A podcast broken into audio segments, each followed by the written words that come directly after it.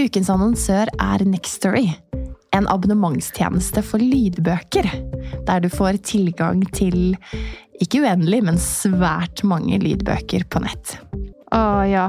Et helt univers, rett og slett. For meg har det passet perfekt nå i vinterferien. For da har jeg hatt ekstra tid eh, til å gå lange turer og lytte til bøker. Og så har jo vi en date i kveld, eh, Ingvild. Eh, vi skal på teater og se Anna Karenina.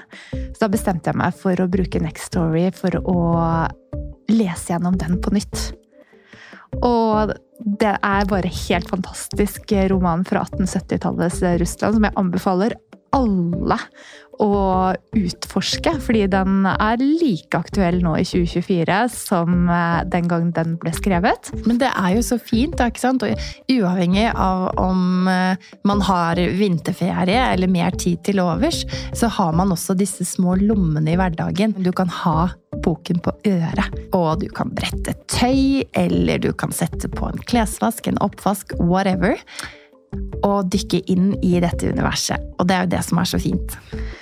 I, eh, I, tillegg, da, når uh, disse små dine kommer med den samme boken for 15. gang, Ingvild, og spør ja. mamma kan du lese denne, så er selvfølgelig det veldig hyggelig, men det kan også være eh, vel så hyggelig å, å få eh, boken servert fra noen andre, så kan man lytte sammen. Eh, vi har hørt mye på Albert Aabergs lydbøkene i Nextory, for det er et univers som både min femåring og min toåring elsker. Ah, det er fantastisk. Man kan finne så mye flotte verdener og opplevelser i gode bøker. Og du som lytter til oss, kan nå få seks uker med fri tilgang til Nextory hvis du går inn på linken nextory.no engler. Så gå inn der, bli med oss eh, og utforske bokuniverset. Og så håper jeg at du har like stor glede av det som vi har.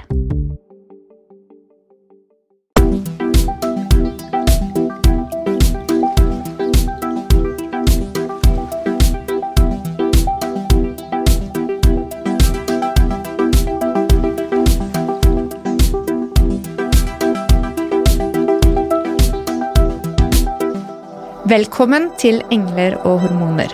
Inspirasjon og ny kunnskap om helse, selvutvikling og livsstil.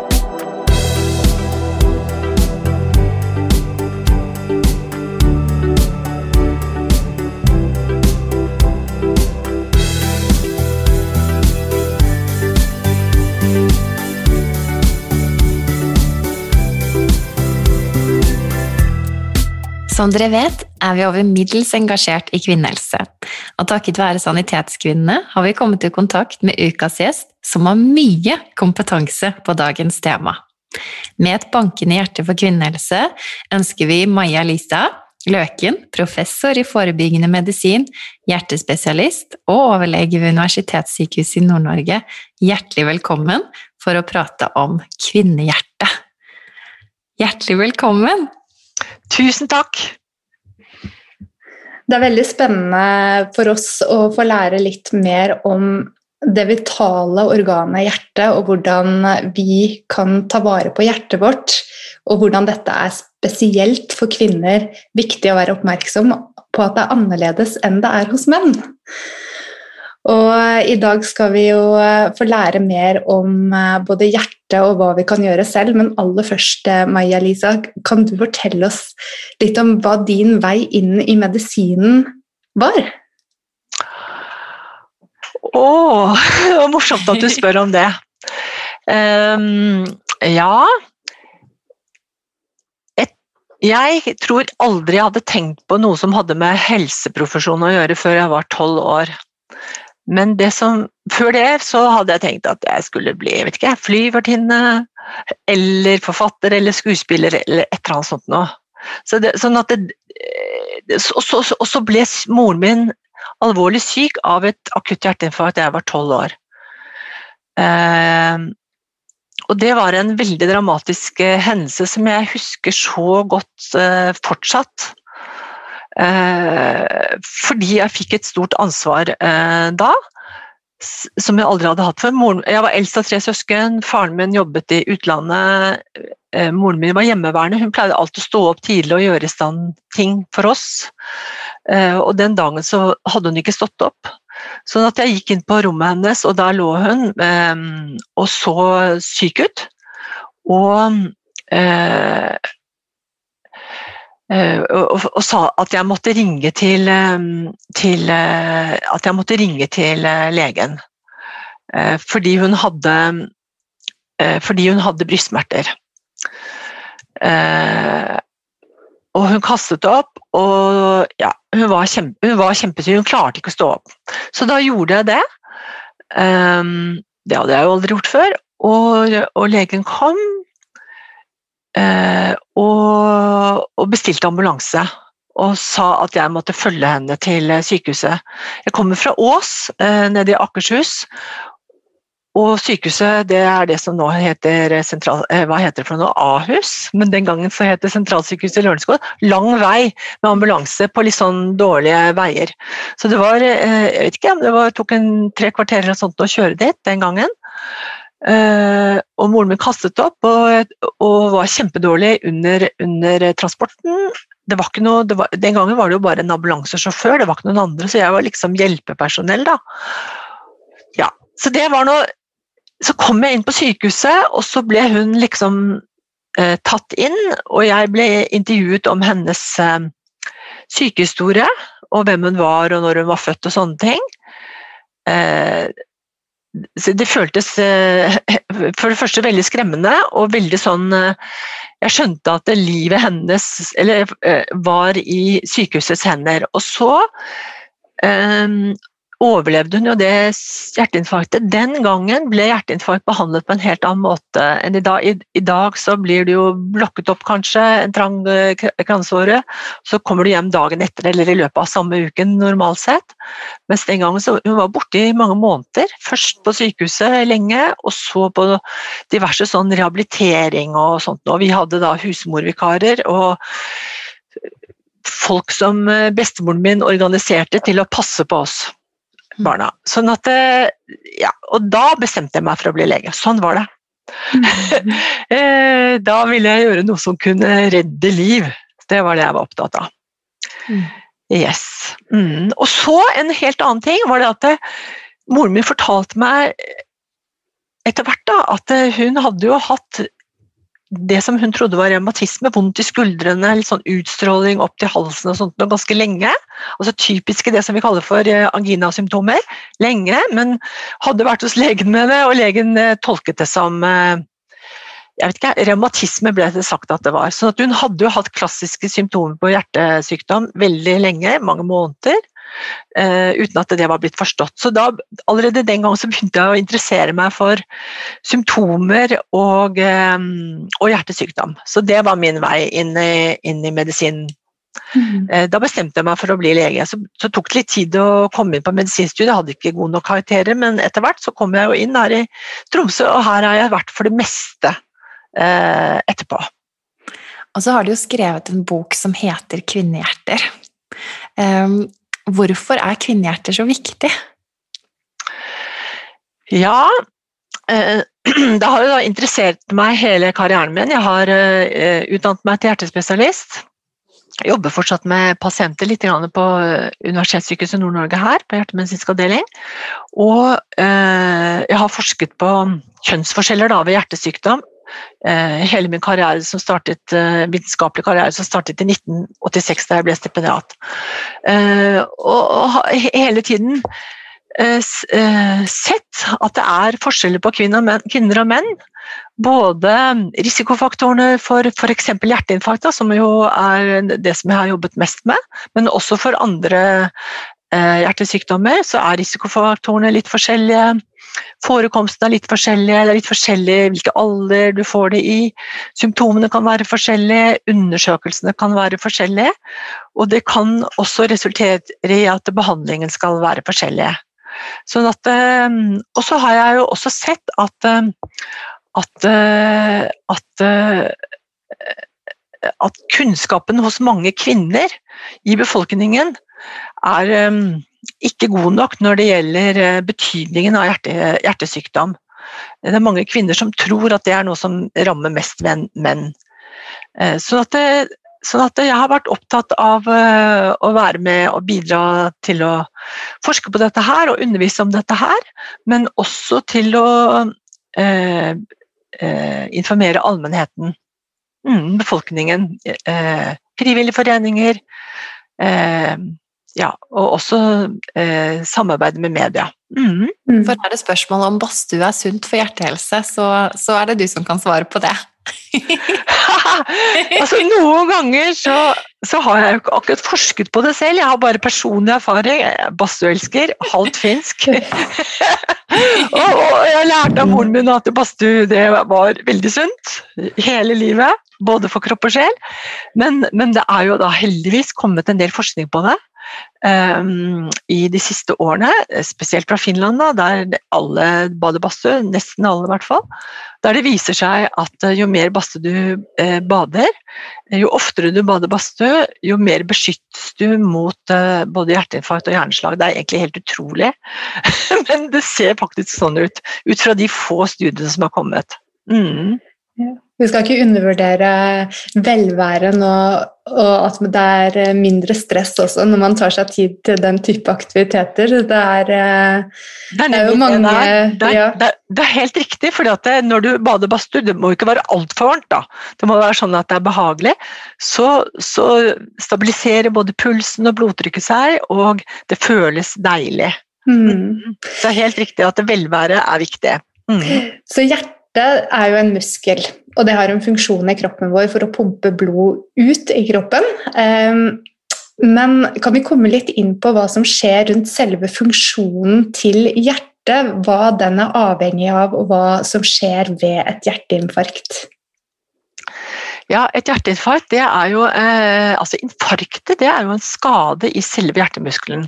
Mm. Fordi at eh, en av de kranspulsårene som forsyner Eh, hjertet med oksygenholdig blod eh, eh, blir tettet igjen av en blodpropp. Helt akutt. Mm. Det er det, det som skjer. Um, og, og hvis, hvis, den blodåren ikke blir åpnet rimelig fort, enten ved hjelp av um, blodfortynnende medisiner, det som kalles for trombolyse, eller plumbo kaller vi det her i Nord-Norge i hvert fall, brukes ganske mye der hvor det er lang vei til, eh, til de sykehusene som, gjør, eh, som, har muligheten for å undersøke med angiografi og eh, gjøre det som kalles for utblokking, eller PCI. Sånn at, det, at hvis, ikke, hvis, ikke, den blodåren åpnes rimelig fort i løpet av et par timer, så, så blir det en skade i, i det, den delen av hjertet som forsynes av den eh, kranspulsåren eller den greina til kranspulsåren. Så det er det som skjer.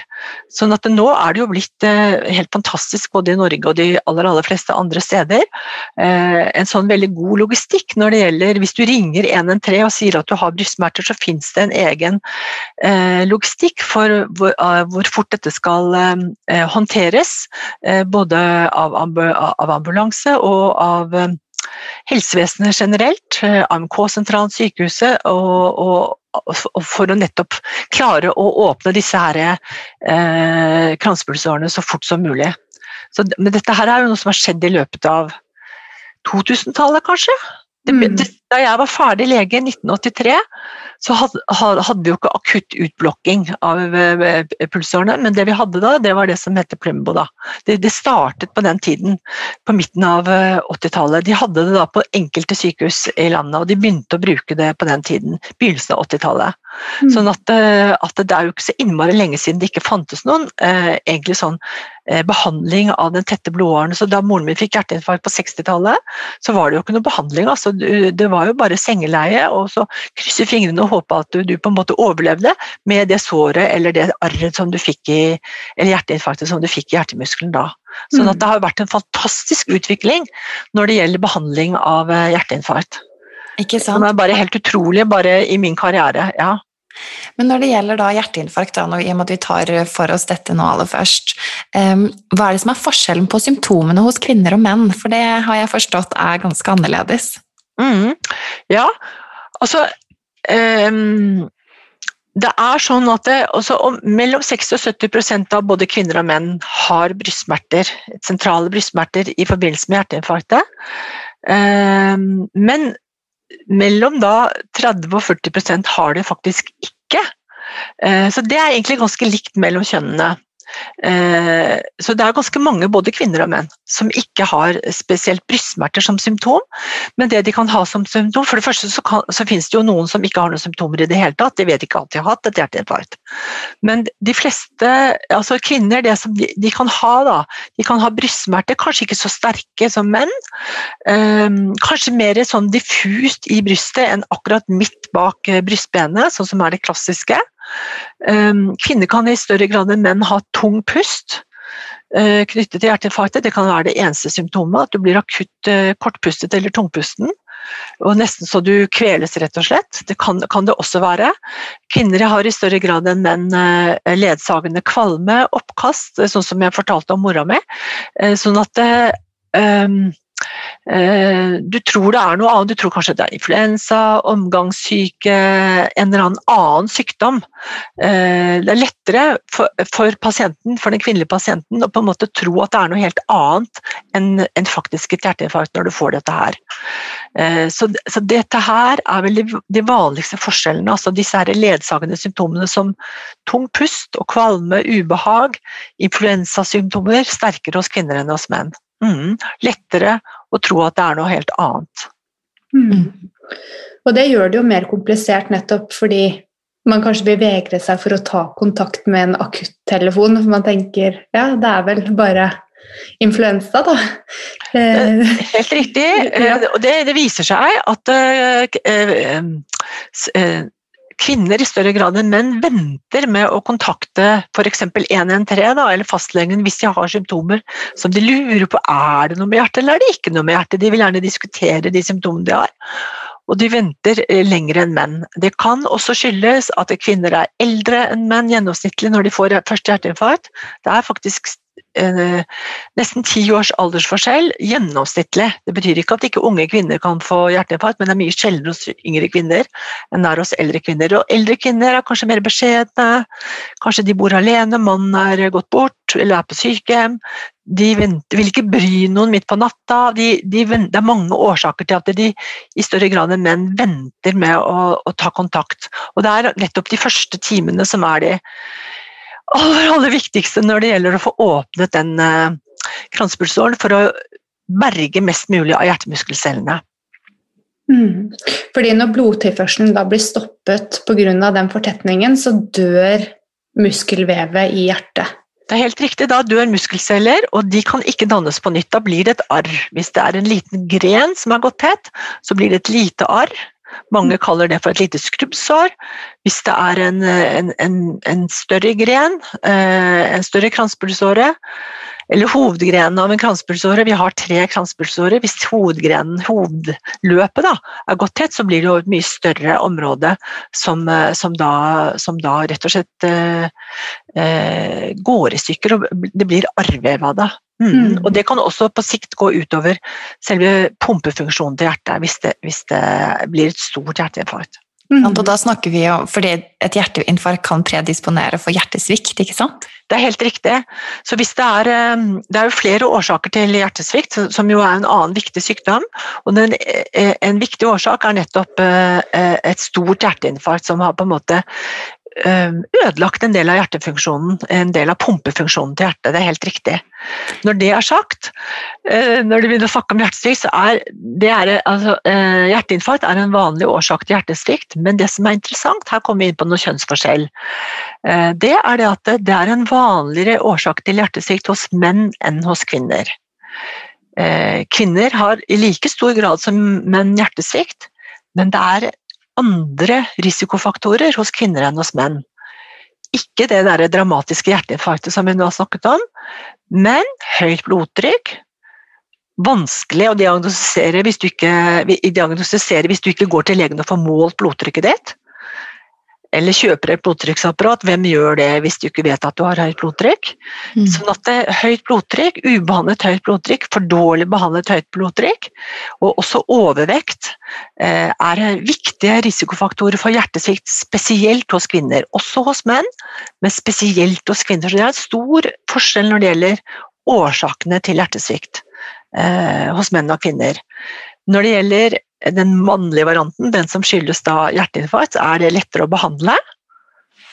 Når det gjelder den kvinnelige varianten, vanskelig å behandle og dårligere prognose. Her er det mye um, Her mangler vi kunnskap på hva som er den beste behandlingen for den vi kan kalle det den kvinnelige varianten av hjertesvikt. Mm. Tilbake til moren din, da, eh, og at hun hadde opplevd symptomer eh, i lang tid før hun ble veldig dårlig den natten. Mm. Hvis hun da hadde tatt kontakt med lege, og hvis vi later som at dette skjedde nå, ikke tilbake, mm. mange år tilbake, mm. Eh, ville man ha like stor sjanse for å oppdage at det var en angina Altså at det var noe på gang hos en kvinne som man har hos en menn? Hvor sensitive er diagnostikken, og er det mm. andre ting man skal se på? Ja, altså Allerede den gangen så kunne man diagnostisere angina ved hjelp av det som heter arbeids-EKG. Mm -hmm. um, det ble brukt også den gangen, uh, som er en uh, enkel, ikke-invasiv undersøkelse.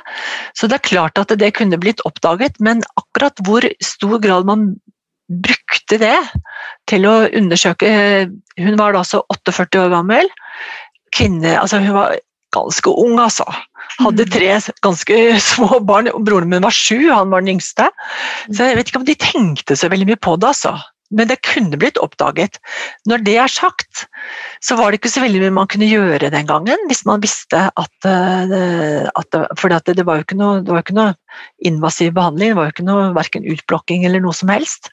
Og eh, det, det var noen få som ble bypass-operert eh, på 60-tallet tror jeg. Nei, ja, jeg er ikke helt sikker på når de begynte å gjøre bypass-operasjoner eh, eh, i, i, Oslo, på Rikshospitalet. I Tromsø begynte vi i 1978 med bypass-operasjon. De hadde sikkert begynt med det da, på noen få pasienter. Ikke sant? Det var en ny behandling. Det skulle mye til, altså. Ja. Mm. Hun kunne fått en diagnose, og hun kunne fått det som fantes da, det var nitroglyserin. Mm. Og det fikk hun. Det var egentlig det hun kom hjem med etter alle disse månedene som hun var borte. Det var ikke noe annen behandling, altså. Mm -mm. Men hva sånn historisk er det som egentlig er årsaken til at vi vet generelt sett mindre om kvinnesykdommer enn om eh, typisk mannesykdommer, eller eh, ja. Det ble kanskje litt feil formulert, men hvorfor har vi brukt mannen som norm inn i forskningen? Ja, eh, veldig godt spørsmål. Altså, dette at det er eh, forskjell på menn og kvinner når det gjelder hjertesykdommer, det, det, finner man jo bare ut gjennom forskning. Og erfaring, selvfølgelig, men det er ikke nok med erfaring, det må også dokumenteres vitenskapelig. Um, uh, så, så det, og veldig lenge så var det uh, så var det bare eh, menn man forsket på, altså. Det var vanskelig å forske på kvinner. Um, for, blant annet fordi at uh, kvinner har så mye hormoner, de er gravide hele tiden. Uh, så vanskelig, altså det, har, det, har, vært liksom sånne motargumenter da, historisk for å inkludere kvinner i studier, uh, at de er mer kompleks enn en menn er, da, pga. alle disse svingningene. Sånn at det ble brukt lenge som et argument, at man tok ikke kvinner med i, i, i en del eh, viktige forskningsundersøkelser. Eh, så, sånn at, eh, men så, allerede på 80-90-tallet, så kom det jo krav om at det skulle være også kvinner med i studier på hjertesykdommer. Eh, og man måtte eh, dokumentere hvorfor man ikke tok dem med. Hva som var årsaken til det. Eh, sånn at derfor så har det jo tatt mye lengre tid å få den kunnskapen som vi har i dag, enn det, enn det trengte å ha gjort hvis man hadde hatt eh, forskning på kvinnehjerter. Og jeg husker det jeg drev med altså jeg, det jeg kom til Institutt for samfunnsmedisin, det er der jeg jobber nå. Eh, på, på 80-tallet så var det jo allerede et sterkt det som kalles for hjerteforskningsmiljø, forskningsmiljø innenfor det som heter epidemiologi. Epidemiologi er jo blitt et uh, ord som nå alle kjenner pga. koronaen, men uh, epidemiologi er også uh, kunnskap om kroniske sykdommers utbredelse. Ikke bare infeksjonssykdommer, men kroniske sykdommers utbredelse og risikofaktorer. Eh, så man hadde eh, mye kunnskap om det i Tromsø, både i min studietid da jeg studerte her, og jeg begynte som stipendiat her, og og man måtte på en måte dele inn Eh, undersøkelseskohortene i, i, i, både kvinner og menn.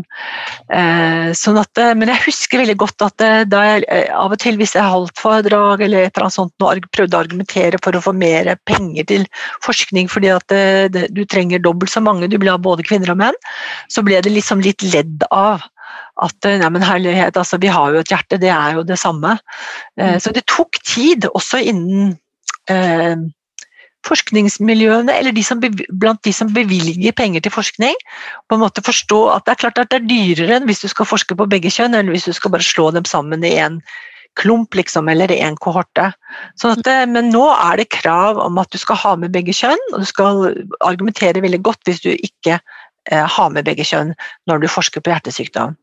Ref det du ble argumentert imot da, med at eh, hjertet er det samme hos kvinner og menn, så endres jo faktisk kvinnehjertet under et svangerskap, f.eks. Det er helt riktig, det gjør det. Det er store forandringer i, i eh, både, både hjerte- og karsystemet under, under, under, svangerskapet. Både normalt, men det, det, kan jo også føre til sykdom. Og det som eh, som eh, er kommet fram da, gjennom forskning eh, gjennom egentlig ganske mange år, altså, det er jo det at eh, og det, og det, er jo det veldig mange kvinner vet, at du, når du er gravid, så har du økt risiko for å få høyt blodtrykk. Eh, og høyt blodtrykk er jo en alvorlig risikofaktor for for, for, for, komplikasjoner i svangerskapet, men også senere i livet. Har du hatt høyt blodtrykk gjennom svangerskapet, som opptil 10% av eh, gravide har, rett og slett, eh, mer eller mindre høyt blodtrykk, eh, har du det under svangerskapet, så disponerer det for høyt blodtrykk og økt risiko for følgetilstander av høyt blodtrykk knyttet til hjertet senere i livet. Så dette her, dette her har vært ikke godt nok forstått, men det begynner å komme mer fokus på det. Uh, og det er klart at det, her, kvinner, er jo, her, er det også veldig viktig med folkeopplysning. At, at kvinner som har, altså vet de har hatt høyt blodtrykk under svangerskap, de vet det. fordi det blir jo målt under svangerskapet at de informere fastlegen sin. Fastlegen kan jo skifte gjennom livet, ikke sant? man flytter og sånne ting. Informere fastlegen sin om at dette har skjedd, sånn at det blir dokumentert og fulgt opp uh, når de kommer sånn ja, fra 40 år og oppover. Fordi de har mye høyere uh, sjanse for å få høyt blodtrykk og andre til f.eks. hjertesvikt, hjerteinfarkt, eh, eh, på grunn av, fordi de har hatt høyt blodtrykk mens de var ganske unge og gravide. Mm. Mm. Så ha en type EU-kontroll på, mm. på blodtrykket, rett og slett. Helt, helt riktig, og at kvinner kjenner til dette selv. Mm. Um, allmennleger vet det, men allmennleger kan ikke tenke på alt. og Kvinner har også et ansvar selv for å på en måte tenke gjennom sin egen helsesituasjon, også når de er i la oss si 30-40-årene. da. Mm. mm. Hvordan er det med svangerskapsdiabetes? Vil det også gi en økt risiko for hjertesykdom senere samme, i livet? Samme, samme ja. Mm. Mm. Hvordan, eh, diabetes er Ja. Mm. ja. Eh, interessert i å vite hvordan det påvirker oss med tanke på hjertet. Kan du forklare litt om det? Ja, altså diabetes eh, er også Vi har jo snakket om risikofaktorer for la oss si hjerteinfarkt. Da. Eh, så er diabetes eh, en viktig risikofaktor. Har du diabetes, så har du økt risiko for å få hjerteinfarkt senere. Sånn at det er jo kjempeviktig at diabetesen blir oppdaget. Det blir det jo hvis du har det som heter diabetes eh, type 1, som er den klassiske diabetesen der du er helt avhengig av insulin for å leve, men så finnes det jo også noe som heter diabetes type 2, som, eh, som, ikke er så akutt og så dramatisk, men som utvikler seg mye mer over tid. Og først og fremst utvikler seg hos kvinner som enten har opplevd eh, svangerskapsdiabetes, som er overvektige, som er lite fysisk aktive, men som også har det i familie. Det er mange risikofaktorer for diabetes, og diabetes er en viktig risikofaktor for hjertesykdom. Så det er eh, veldig viktig å være klar over det. Og det viser seg også at diabetes, eh, spesielt diabetes type 2, er en mer alvorlig risikofaktor for hjerteinfarkt hos kvinner enn hos menn. Så det er også en kjønnsforskjell. Det er flere eh, risikofaktorer som betyr forskjellige ting hos kvinner og menn. Du komme litt nærmere er inn på det, eller gi flere eksempler? Ja, da kommer eh, jeg inn på en av Altså det eh, eh, Jeg har hatt flere favorittrisikofaktorer gjennom min karriere. Jeg kan bare først bare si hvilke vi har egentlig, hvilke risikofaktorer vi har som er de viktige, som vi kjenner til.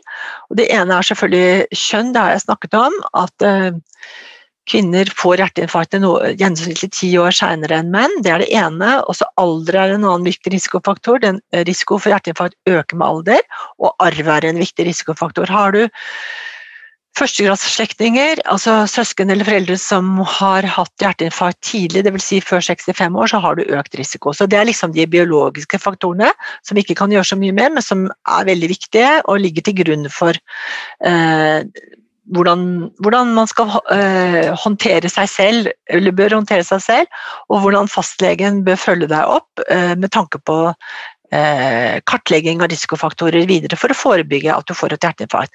Så Det er nå de biologiske. Så kommer vi til de som har med livsstil å gjøre. og Vi har snakket om, eh, litt om diabetes, som har litt med livsstil å gjøre. Eh, Så kommer dette med høyt kolesterol, som er en viktig risikofaktor. Og så kommer dette med blodtrykk, som jeg skal si mer om, som, som for tiden er min favorittrisikofaktor. og så er det dette med fysisk aktivitet. Altså fysisk eh, aktivitet beskytter mot hjerteinfarkt og mange andre hjertesykdommer. Og så kommer dette med tobakk, eh, som har vært eh, kjempeviktig, og, og er det fortsatt, men heldigvis så er jo røykeforekomsten i Norge gått veldig ned.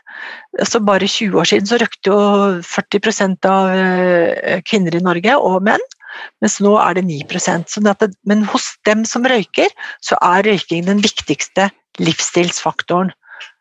Og spesielt hos kvinner.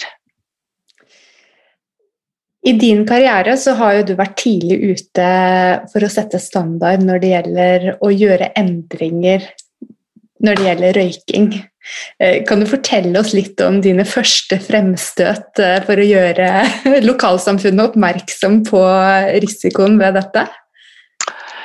Ja, det kan jeg eh, prøve å gjøre. Um, eh, altså Moren min hun fikk jo dette hjerteinfarktet tidlig, ikke sant? 48 år. Hun røkte.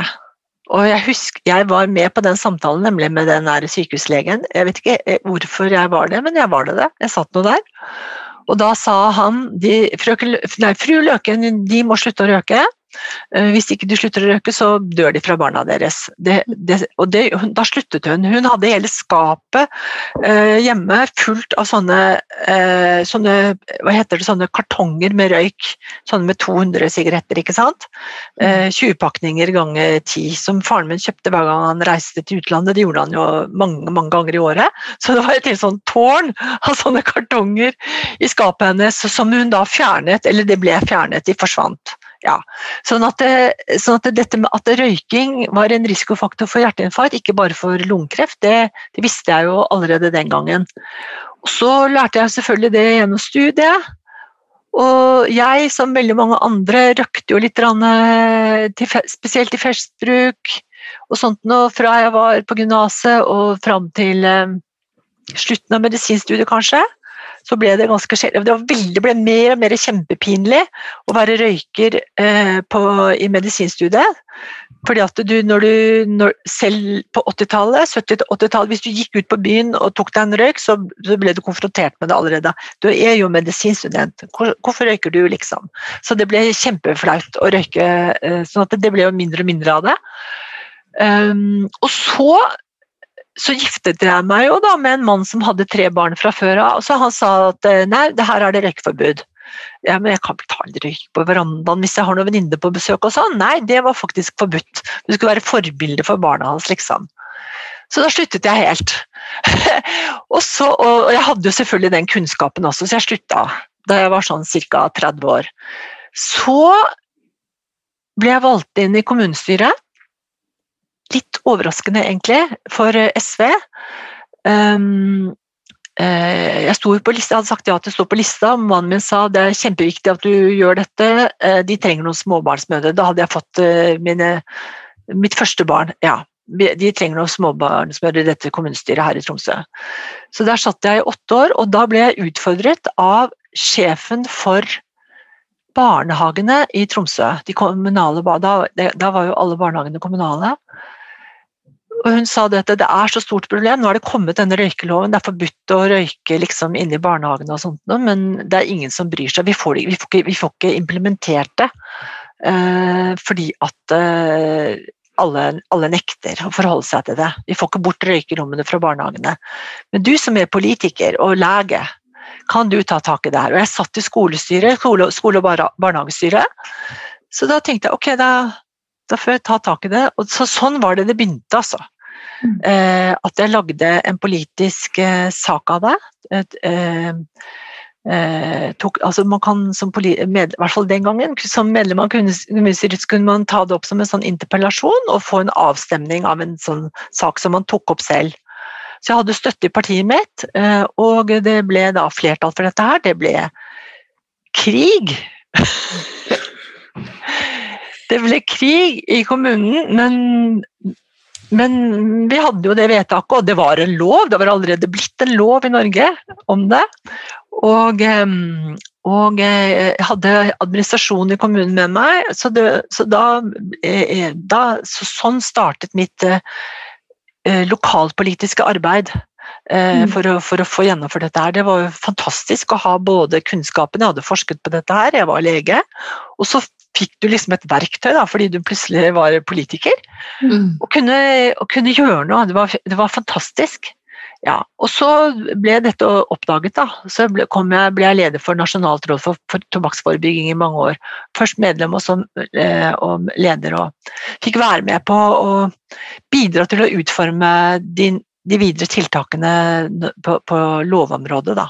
Jeg var en liten brikke i et spill som veldig mange deltok i, men det var i hvert fall var i hvert fall midt i smørøyet da når uh, røykfri restaurant kom og alt dette her. Mm. mm Et viktig sånn var det. arbeid.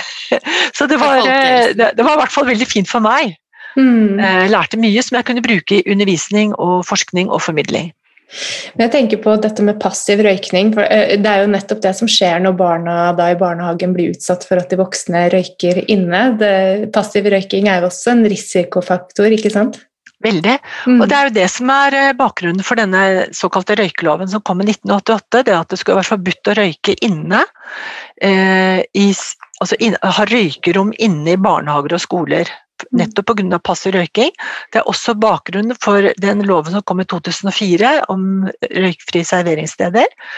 Nettopp fordi at de der eh, ansatte der, som da gikk i denne røyken hele arbeidstiden ble såpass eh, kraftig eksponert for tobakk at, det, at det, flere av dem fikk eh, lungekreft. Det var to eller tre rettssaker i Norge der ansatte eh, gikk til sak fordi de hadde fått røyk, hva heter det, lungekreft eh, pga. arbeidsmiljøet. Så dette var jo ikke bare i Norge, men det var i, det var i mange land. Vi var blant de første land i verden som fikk røykfrie, helt røykfrie serveringssteder. Og så er jo det kommet overalt. Sånn at uh, passiv røyking var uh, undervurdert. Og, jeg er jo vokst opp i et uh, hjem med, med, røyking hele dagen. Moren min var husmor og røykte jo hele dagen, kanskje sikkert i svangerskapet også. Hun sa at hun ikke røykte i svangerskapet, men det er jeg sikker på hun gjorde. og så Det gjorde alle. Det var ikke noe snakk om det den gangen, liksom. Mm. helt til jeg var tolv år. Altså, sånn at det, og det gjelder jo veldig mange i min generasjon. Altså, det var jo 50% som røykte. Mm. Og det var ikke noe snakk om å, å, gå ut og røyke på noen veranda, altså. Hvert mm. rom hadde sånne svære askebegre. Men den gode nyheten er at det hjelper faktisk å stumpe røyken. For hvis man stumper røyken, så får man en effekt som er positiv også i forhold til hjertehelsen. Det hjelper å stumpe røyken, og det hjelper å slutte uansett når man slutter. Eh, selv om man har opp i årene, når man vurderer å slutte, så hjelper det på helsen. Både på hjertehelsen og på lungehelsen. Så det er aldri for seint å, å, å, slutte. Og, og, vi sier at det er bare 9% som røyker, men i Norge det er klart at for dem som røyker, så er det jo en stor, um, en stor helserisiko. Eh, og mange av dem ønsker hjelp til å slutte å røyke. Mm. Du nevnte jo en annen viktig risikofaktor i stad, som uh hvis ikke jeg husker feil, at du sa var din favoritt, nemlig hypertensjon eller høyt blodtrykk? For tiden er det min favoritt, eh, fordi at det, det er også på bakgrunn av forskning som bl.a. er blitt gjort i, i Tromsø-undersøkelsen, som jeg jobber mye med. Den store befolkningsundersøkelsen i Tromsø, men også mange andre steder. Men eh, eh der, der den forskningsgruppen jeg er i, da, eh, der er det mange fantastiske forskere. Eh, og vi har fantastiske data fra Tromsøs befolkning som har blitt samlet inn helt siden 70-tallet og fram til for fem-seks år siden. Og Eh, syv ganger har eh, enkelte tromsøværinger møtt i Tromsø-undersøkelsen. Fra, fra 70-tallet fram til nå. Men altså, det, viser seg at eh, høyt blodtrykk eh, Eller for, høyt blodtrykk i seg selv og for dårlig behandlet eller ikke oppdaget høyt blodtrykk er eh, veldig viktige risikofaktorer eh, for all, nesten alle hjertesykdommer, men enda mer for kvinner enn hos menn.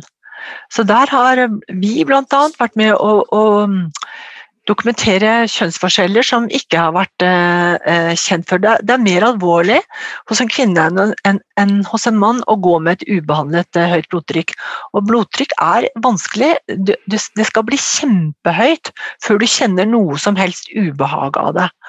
Eh, sånn at eh, alle kvinner, eh, sjekk blodtrykket ditt eh, regelmessig hos fastlegen din allerede fra du er sånn 35-40 år. Mm. Jeg er litt nysgjerrig, og for å være litt personlig også, så opplevde jeg å ha svangerskapsforgiftning i første svangerskap. Um, og utgangsblodtrykket mitt var ganske lavt. Jeg hadde 90 over 50 når jeg ble målt første gang i svangerskapet. og eh, var oppe i ja, 134 over 102, tror jeg det var, når jeg hadde svangerskapsforgiftning. Og det, det er noe som jeg har tenkt mye på, fordi jeg lurer på hvor like vi er i forhold til hvordan vi ser på blodtrykk. Eh, om, om, det er variasjoner der vi skal være oppmerksom på mer enn akkurat det vanlige 120 over 80 og de statistiske mm. risiko... Mm. Det er veldig viktig at du spør om det. Altså, um, altså sånn der Grensene for det som heter høyt blodtrykk, er 140 over 90.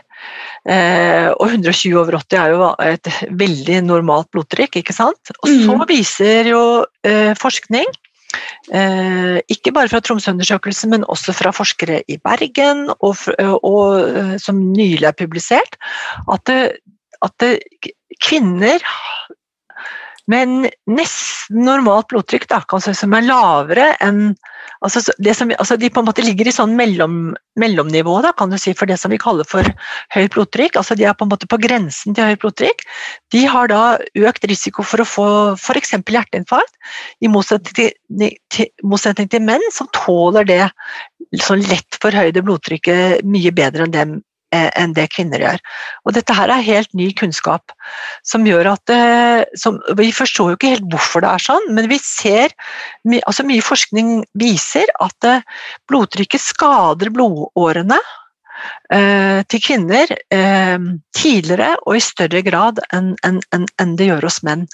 Eh, og akkurat hvorfor det er sånn, det vet vi ikke, men vi ser at det er så mye forskning, også sånn fysiologisk forskning på, på, på, på, andre modeller enn det vi bruker i befolkningsundersøkelser, viser at, forklarer at det, den skadelige effekten er kraftigere hos kvinner enn hos menn.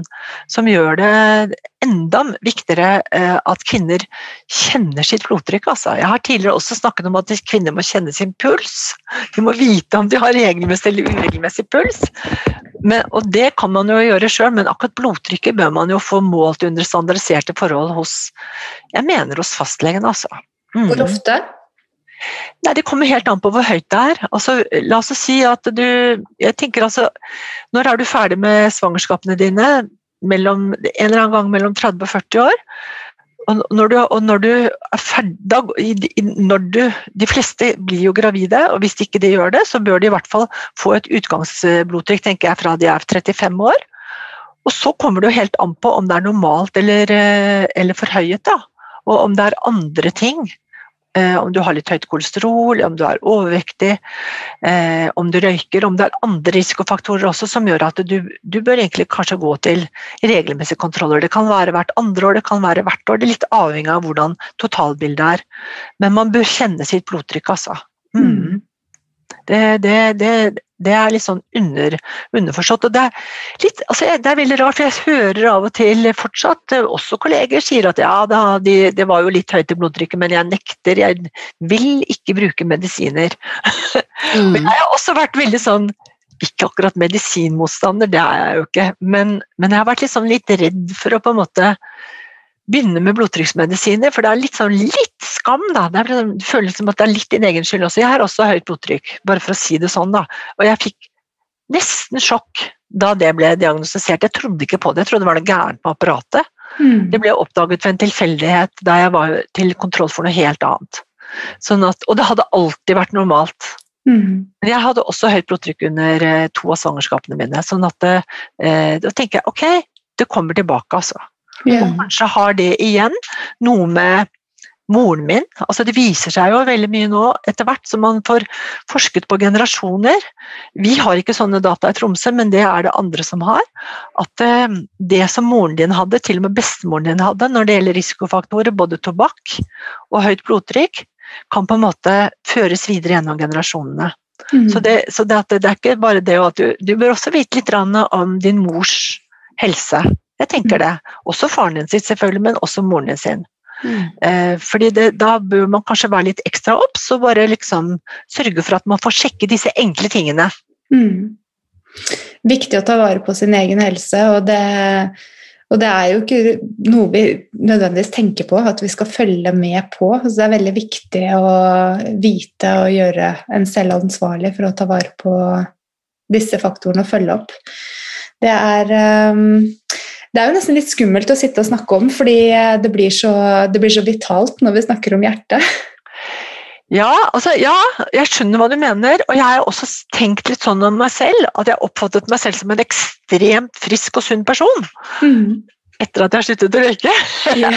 Og så kommer disse tingene allikevel, og så, og, så, og, så, og så, sitter det ganske langt inne og ser på seg selv som en person som skal på en måte følge opp disse tingene, men jeg tenker at det må jo normaliseres litt, altså. Mm. mm.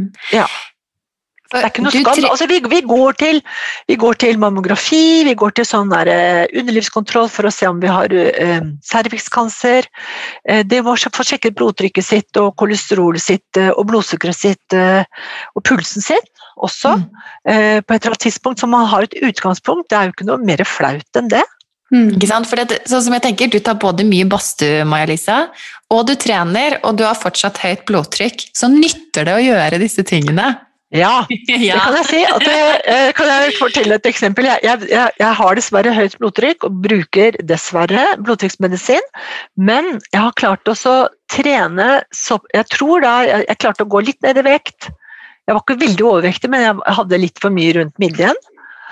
Og jeg eh, klarte å altså, bli mer bevisst på hvor mye jeg spiste, hvor mye alkohol jeg drakk, og bli mer opptatt av å trene. og Det gjorde at jeg kunne redusere dosen på den ene blodtrykksmedisinen min. Og At jeg noen gang kan slutte med blodtrykksmedisin, det, det, skjønner jeg, det er ikke aktuelt. Men jeg klarte i hvert fall å på en måte vise at det hadde en effekt. Mm. Eh, eh, og, men altså, hvis man først eh, har så høyt blodtrykk at man trenger blodtrykksmedisin, er det veldig sjelden at man eh, kan slutte helt med det. Man kan kanskje redusere dosen. Og det er ikke noe skam av høyt blodtrykk, altså. det, det, det, det, er mange som tenker sånn. Det har jeg gjort òg, men det har jeg bestemt meg for at det nekter jeg for, altså. Mm. Det er veldig mye man kan gjøre selv, og så trenger man kanskje en liten pille i tillegg, og det er ikke noe skam. Vi er jo ja, heldige at vi lever i et samfunn der eh, hjertemedisin er fremforsket, og bl.a. med bidrag av slike som deg, at vi vet mer om hva vi kan gjøre for å ta vare på oss selv. Det er eh, veldig viktig. I forhold til eh, kvinnekroppen så har vi også en syklus, menstruasjonssyklus og en livssyklus. Eh, er det noen hormonelle faktorer som er med på å spille inn på risiko i forhold til hjertesykdom? Ja, um, Det er det. Helt sikkert. Mye av, og mye som vi ikke kan nok om. Det som har vært spekulert mye i, det er at overgangsalderen er et sånt skille for kvinner der risikoen øker veldig når du går i, i menopause, da, altså sånn rundt 50 år kanskje, og at da liksom eksploderer risikoen. Og det har vært forsket en god del på når det gjelder Og, det, og den myten er da eh, avlivet, er ikke overgangsalderen i seg selv som fører til risiko, fordi det er en gradvis økning i risiko for hjerteinfarkt, vi snakker spesielt om hjerteinfarkt, hos kvinner gjennom hele det voksne livet. Eh, og den, den, den, linjen er, altså den økningen, da, den er eh, lik for kvinner og menn samme stigningshastighet, det er bare det at den starter noe seinere hos eh, kvinner enn hos enn menn. Så det kommer ikke et sånt knekk i den der utviklingen, eller risikoutviklingen når du blir 50. Eh, det bare er en gradvis aldersstigning, og som er mm. helt lik som hos menn. Og menn har jo ikke noe overgangsalder som vi vet om, i hvert fall. Sånn at det er ikke bare hormoner som, som spiller en rolle. Eller, eh, det, det, har helt sikkert betydning, men, men, eh, men ikke så mye som, som, vi trodde. Men det er, jo en, det er jo noen andre sykdommer som der stresshormoner spiller inn.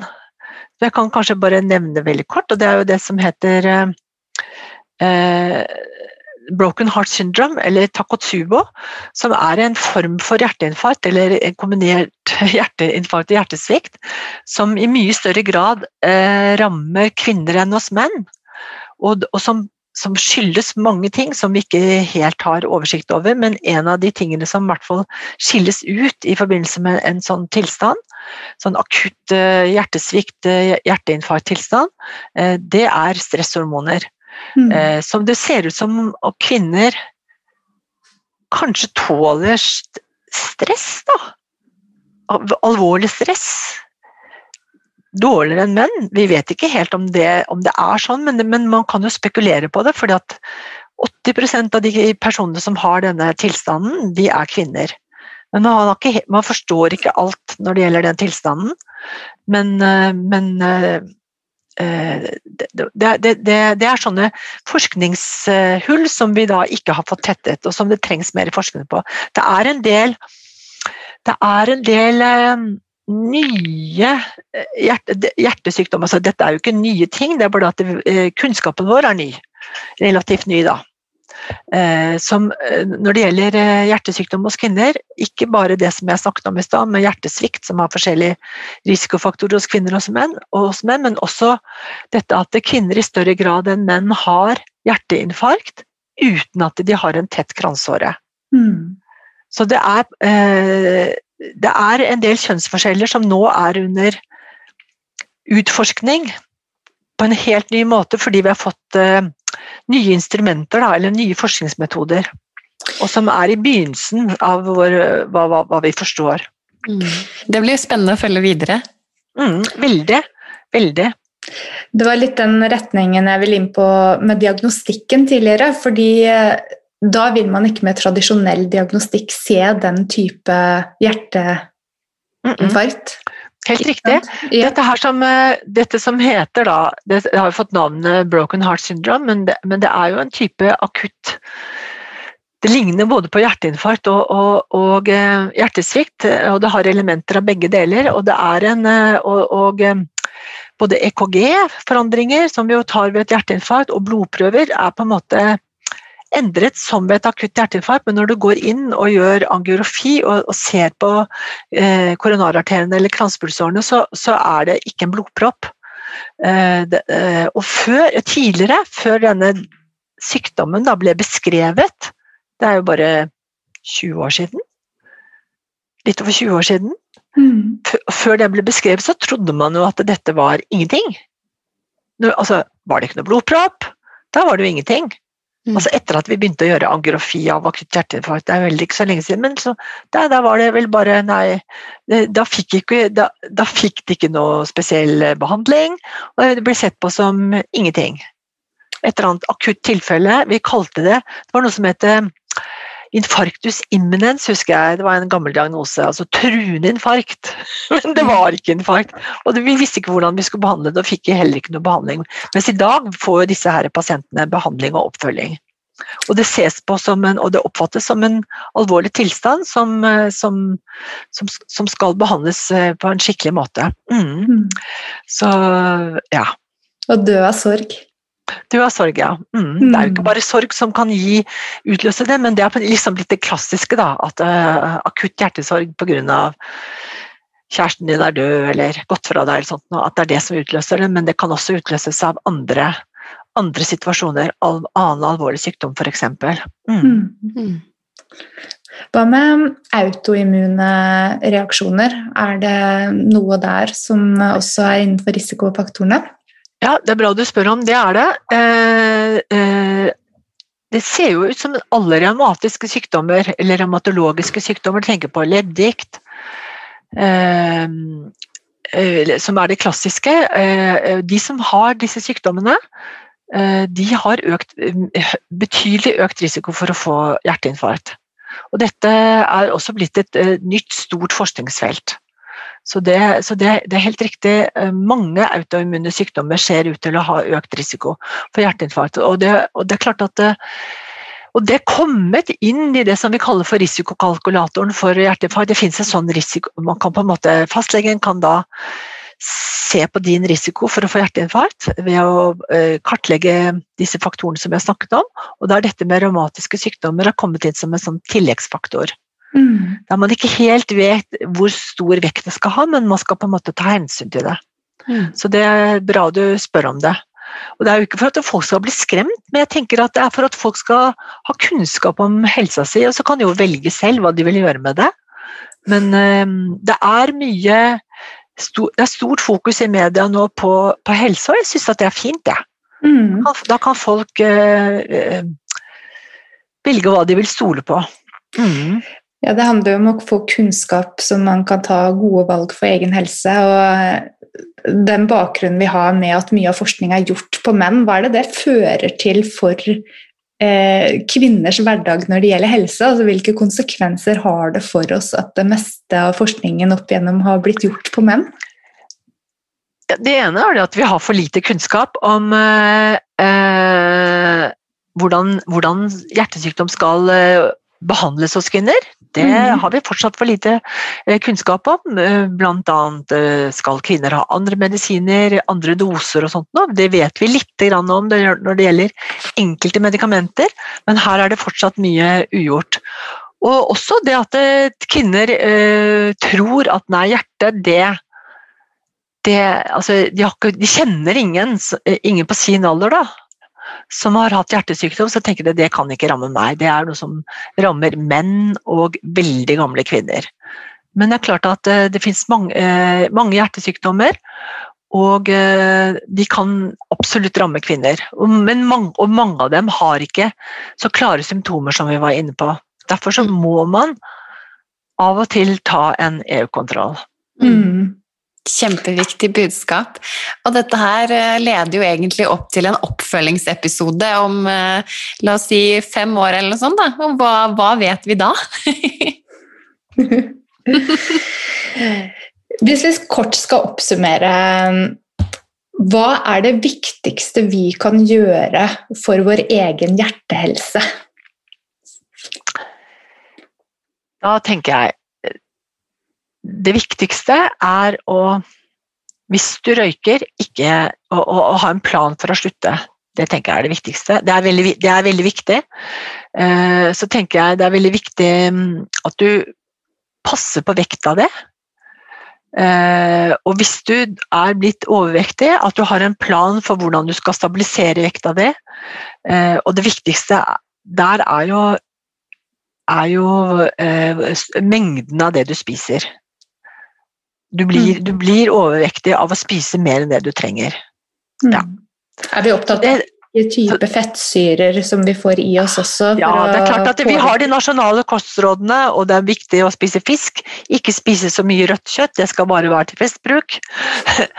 og spise mer hvitt kjøtt. Altså, det vil si, her oppe sier vi jo da reinsdyr, og det kan man jo nå få over hele, hele landet. Reinsdyr er hvitt kjøtt, er, eller sånn lyst kjøtt som ikke inneholder så mye fett. Eh, og, eh, og fjærkre, altså kylling da, og kalkun og sånt. Altså, den type kjøtt eh, i større grad enn det røde kjøttet, som bør bare være til, til festbruk. Og det mer vegetarisk kosthold. Man kan vel ha en dag eller to i, i uka der man bare spiser grønnsaker. Og, og eh, det som vi kaller for eh, belgfrukter, som er eh, kjempebra proteinkilde.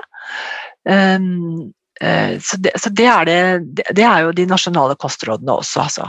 Sånn at det man spiser, og mengden av det man spiser, er kjempeviktig. Og så er det veldig viktig å være fysisk aktiv.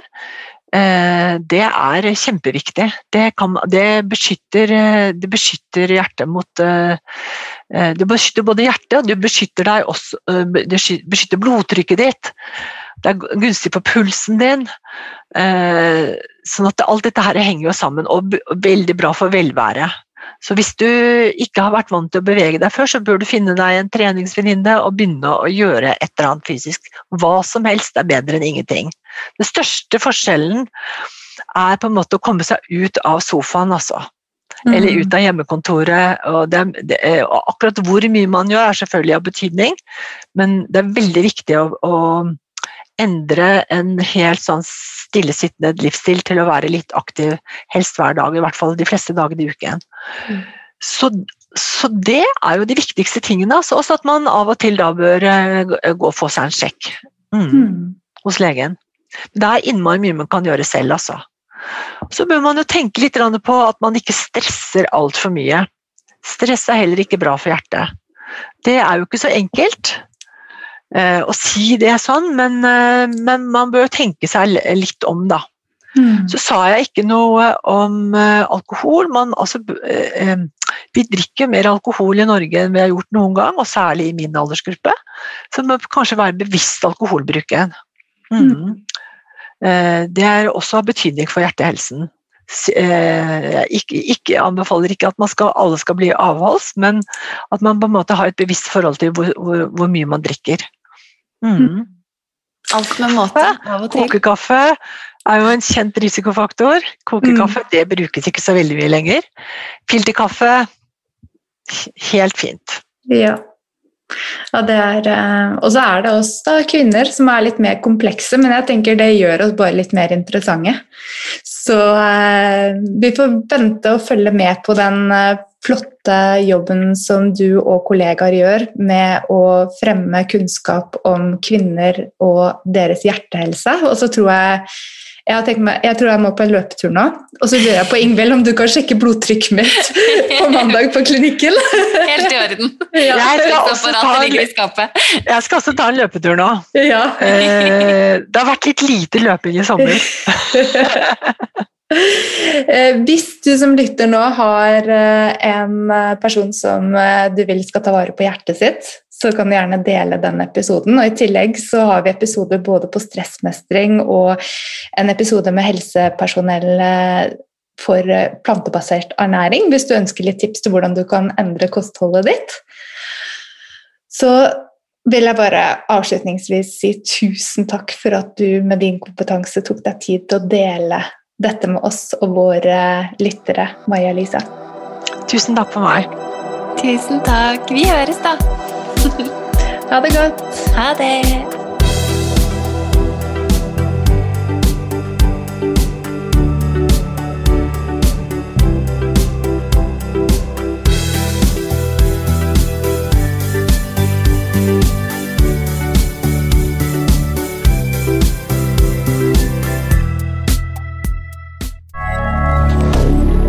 Media.